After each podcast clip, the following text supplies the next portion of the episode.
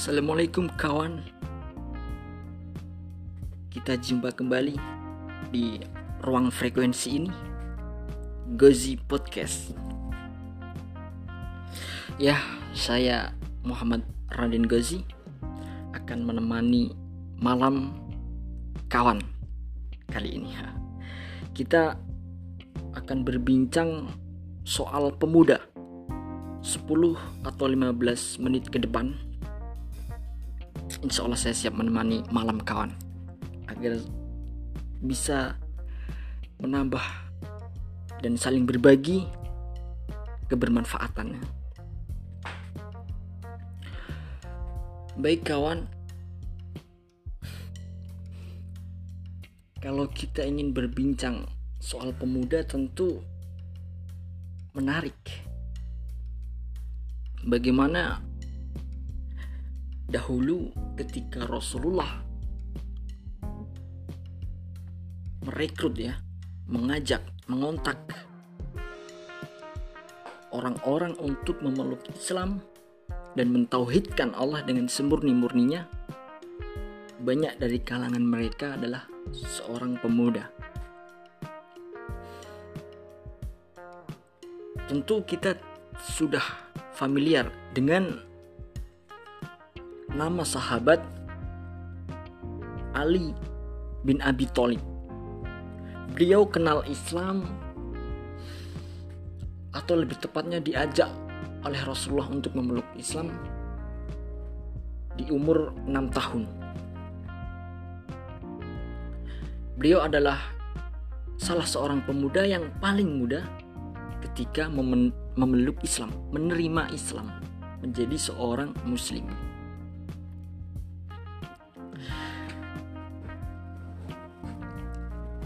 Ya, di usia muda ini tentu adalah golden time ya, waktu emas. Waktu emas untuk apa? Tentu untuk berkarya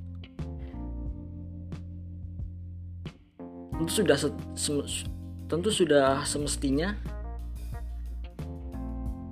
kita sebagai seorang muslim berkarya yang di mana karya itu mampu menjadi wasilah untuk lebih mendekatkan kita kepada Allah Subhanahu wa taala.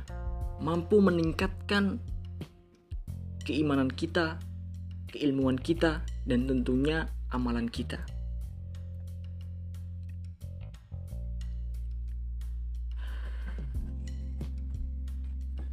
Mungkin kawan-kawan juga sudah sering mendengar kisah-kisah heroik seorang pemuda.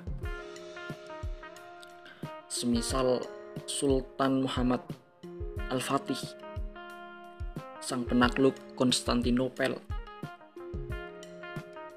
Atas pertolongan Allah, beliau telah mewujudkan bisyarah Rasulullah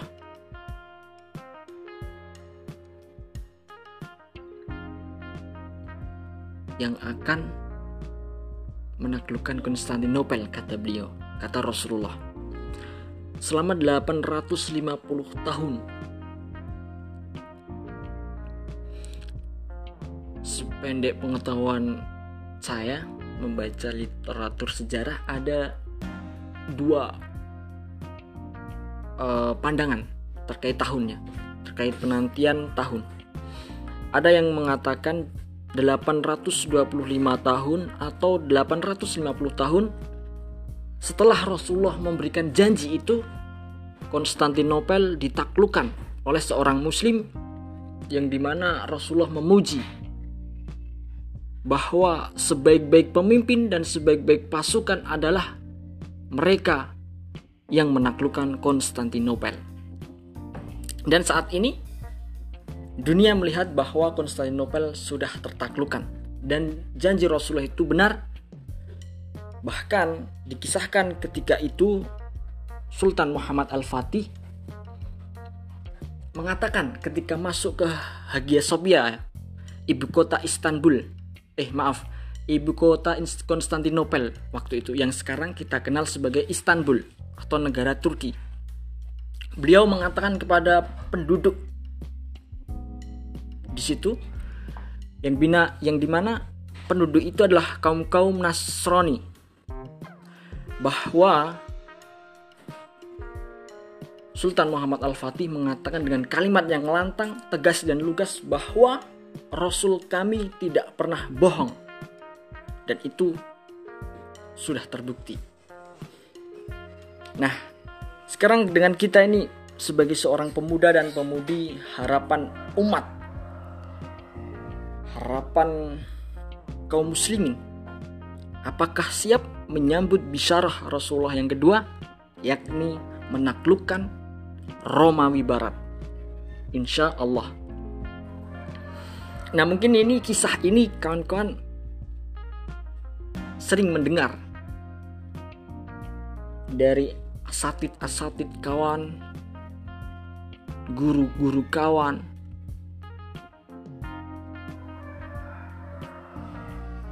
di sekitar kawan tentu sudah tidak asing lagi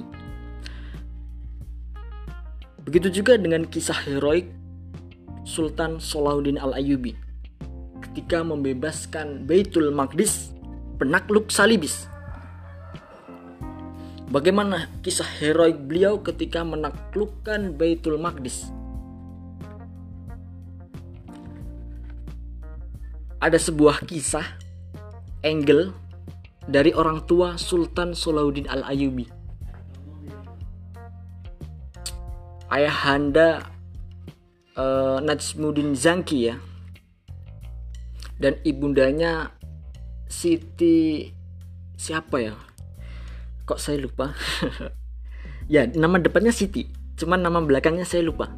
Nah in, intinya uh, orang tua Sultan Salahuddin Al Ayyubi ketika beliau mendidik anaknya di suatu kisah dengan anaknya itu sedang melakukan aktivitas ya bahwa ayahanda Sultan Salahuddin Al-Ayubi mengatakan kepada putranya yaitu Salahuddin Al-Ayubi sendiri bahwa nak wahai anakku ayah ini menikahi ibumu tidak semata-mata ingin melahirkan anak yang di mana anak itu hanya untuk bermain-main dengan anak-anak yang sebaya dengan kamu tapi ayah ini menikahi ibumu karena menginginkan seorang anak yang nanti menjadi seorang pemimpin, seorang kesatria yang mampu membebaskan Baitul Maqdis. Subhanallah, sebuah visi pernikahan dari seorang ayah Sultan Sulaudin Al-Ayubi yang begitu mulia, himanya yang tinggi dan penuh dengan keimanan kepada Allah Subhanahu wa taala. Begitu juga dengan ibunda Sultan Sulaudin Al-Ayubi ketika uh, uh, di suatu aktivitas beliau ya ibunda Sultan Salahuddin Al Ayyubi itu dengan putranya ibundanya juga mengatakan yang hal yang sama. Cuman mungkin beda bahasa tapi intinya maknanya adalah sama. Bahwa juga lebih keren lagi. Ya sama-sama keren. Saling melengkapi. Bahwa Ibunda Siti tadi mengatakan pada putranya, "Wahai putraku yang aku sayangi karena Allah, ibundamu ini mau menerima lamaran ayahmu, mau dinikahi oleh ayahmu, tidak semata-mata hanya ingin eh, mempunyai anak yang biasa-biasa saja atau menjalankan sebuah rumah tangga yang biasa-biasa saja seperti manusia pada umumnya. Tetapi ibunda ibundamu ini mau menerima lamaran ayahmu karena ibumu ini menginginkan dari ayahmu nanti mampu memberikan keturunan dari rahim ibundamu yang kelak anak itu mampu membebaskan Baitul Maqdis mengembalikan Baitul Maqdis ke pangkuan kaum muslimin subhanallah Kedua orang tua Sultan Salahuddin Al-Ayubi yang memiliki cita-cita yang sama, satu pemikiran, satu perasaan, dan satu aturan, yaitu Al-Quran. Betapa mulianya cita-cita beliau yang dipenuhi dengan usaha yang maksimal, keimanan yang totalitas kepada Allah. Dan saat ini kita lihat kisah sang kesatria pembebas Baitul Maqdis kedua Sultan Salahuddin Al-Ayyubi mampu membebaskan Baitul Maqdis. Subhanallah.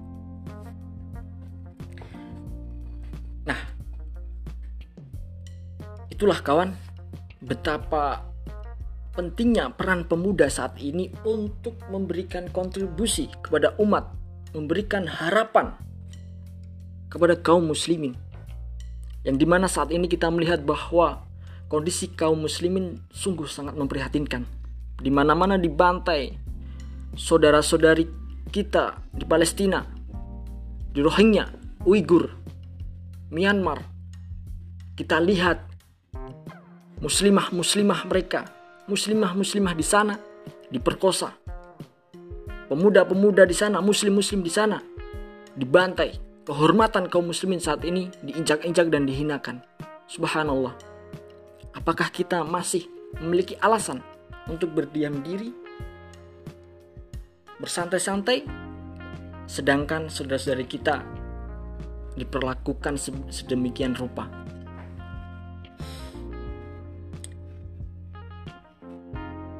Kawan, dari kisah Sultan Muhammad Al-Fatih, Sultan Sulaudin Al-Ayyubi, masing-masing memiliki ibroh yang dapat kita ambil, hikmah yang bisa kita tangkap. Bagaimana dulu Sultan Sulaudin Al-Ayyubi orang tuanya memiliki komitmen yang kuat, konsisten yang kuat untuk mendidik anaknya menjadi seorang kesatria, sang pembebas Baitul Maqdis. Di sinilah kita mampu mengambil sebagai seorang pemuda harus memiliki visi jangka panjang. Untuk apa masa muda kita saat ini. Dan tentu kita sebagai seorang insan yang beriman kepada Allah Subhanahu wa taala tentu nanti kita akan memiliki pasangan. Nah, di situ kita perlu mempersiapkan visi dan misi apa dalam pernikahan kita. Dengan gamblang kedua orang tua Sultan Salahuddin Al-Ayyubi memberikan contoh kepada kaum muslimin hari ini bagaimana pernikahan, bagaimana visi misi pernikahan beliau. Kemudian Sultan Muhammad Al-Fatih, bagaimana beliau mem memiliki uh, karakter yang pemberani, memiliki semangat yang luar biasa, dan tekad yang bulat untuk melayakkan dirinya menjadikan dirinya sebagai seorang pemimpin yang yang di mana Rasulullah maksudkan waktu itu. Beliau benar-benar berusaha dengan maksimal mendekat kepada Allah untuk melayak, melayakkan dirinya menjadi seorang pemimpin penakluk Konstantinopel. Subhanallah. Contoh-contoh yang luar biasa telah diberikan kepada datuk-datuk kita. Telah diberikan secara real dalam kehidupan bagaimana masa muda mereka menempa diri mereka dengan siapa mereka bergaul lingkungan seperti apa yang mereka gauli dan guru-guru yang luar biasa tentunya. Dan yang tak kalah penting adalah keluarga. Kedua orang tuanya ketika mendidik menaruh, meletakkan visi misi kekeluargaannya. Subhanallah.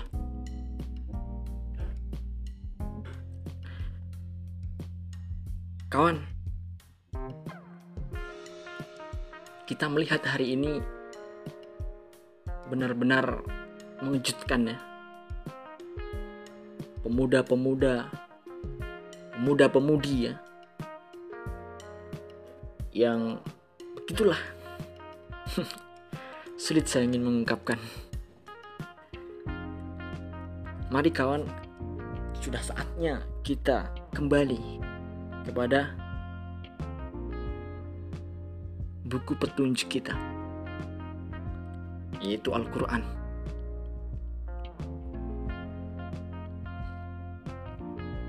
mari kita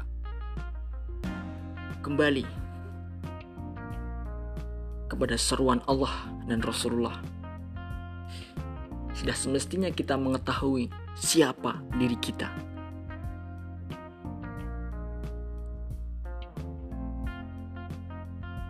Status apa yang kita sandang di muka bumi ini? Visi dan misi apa yang harus kita miliki? Kawan, marilah senantiasa kita selalu menambah ilmu pengetahuan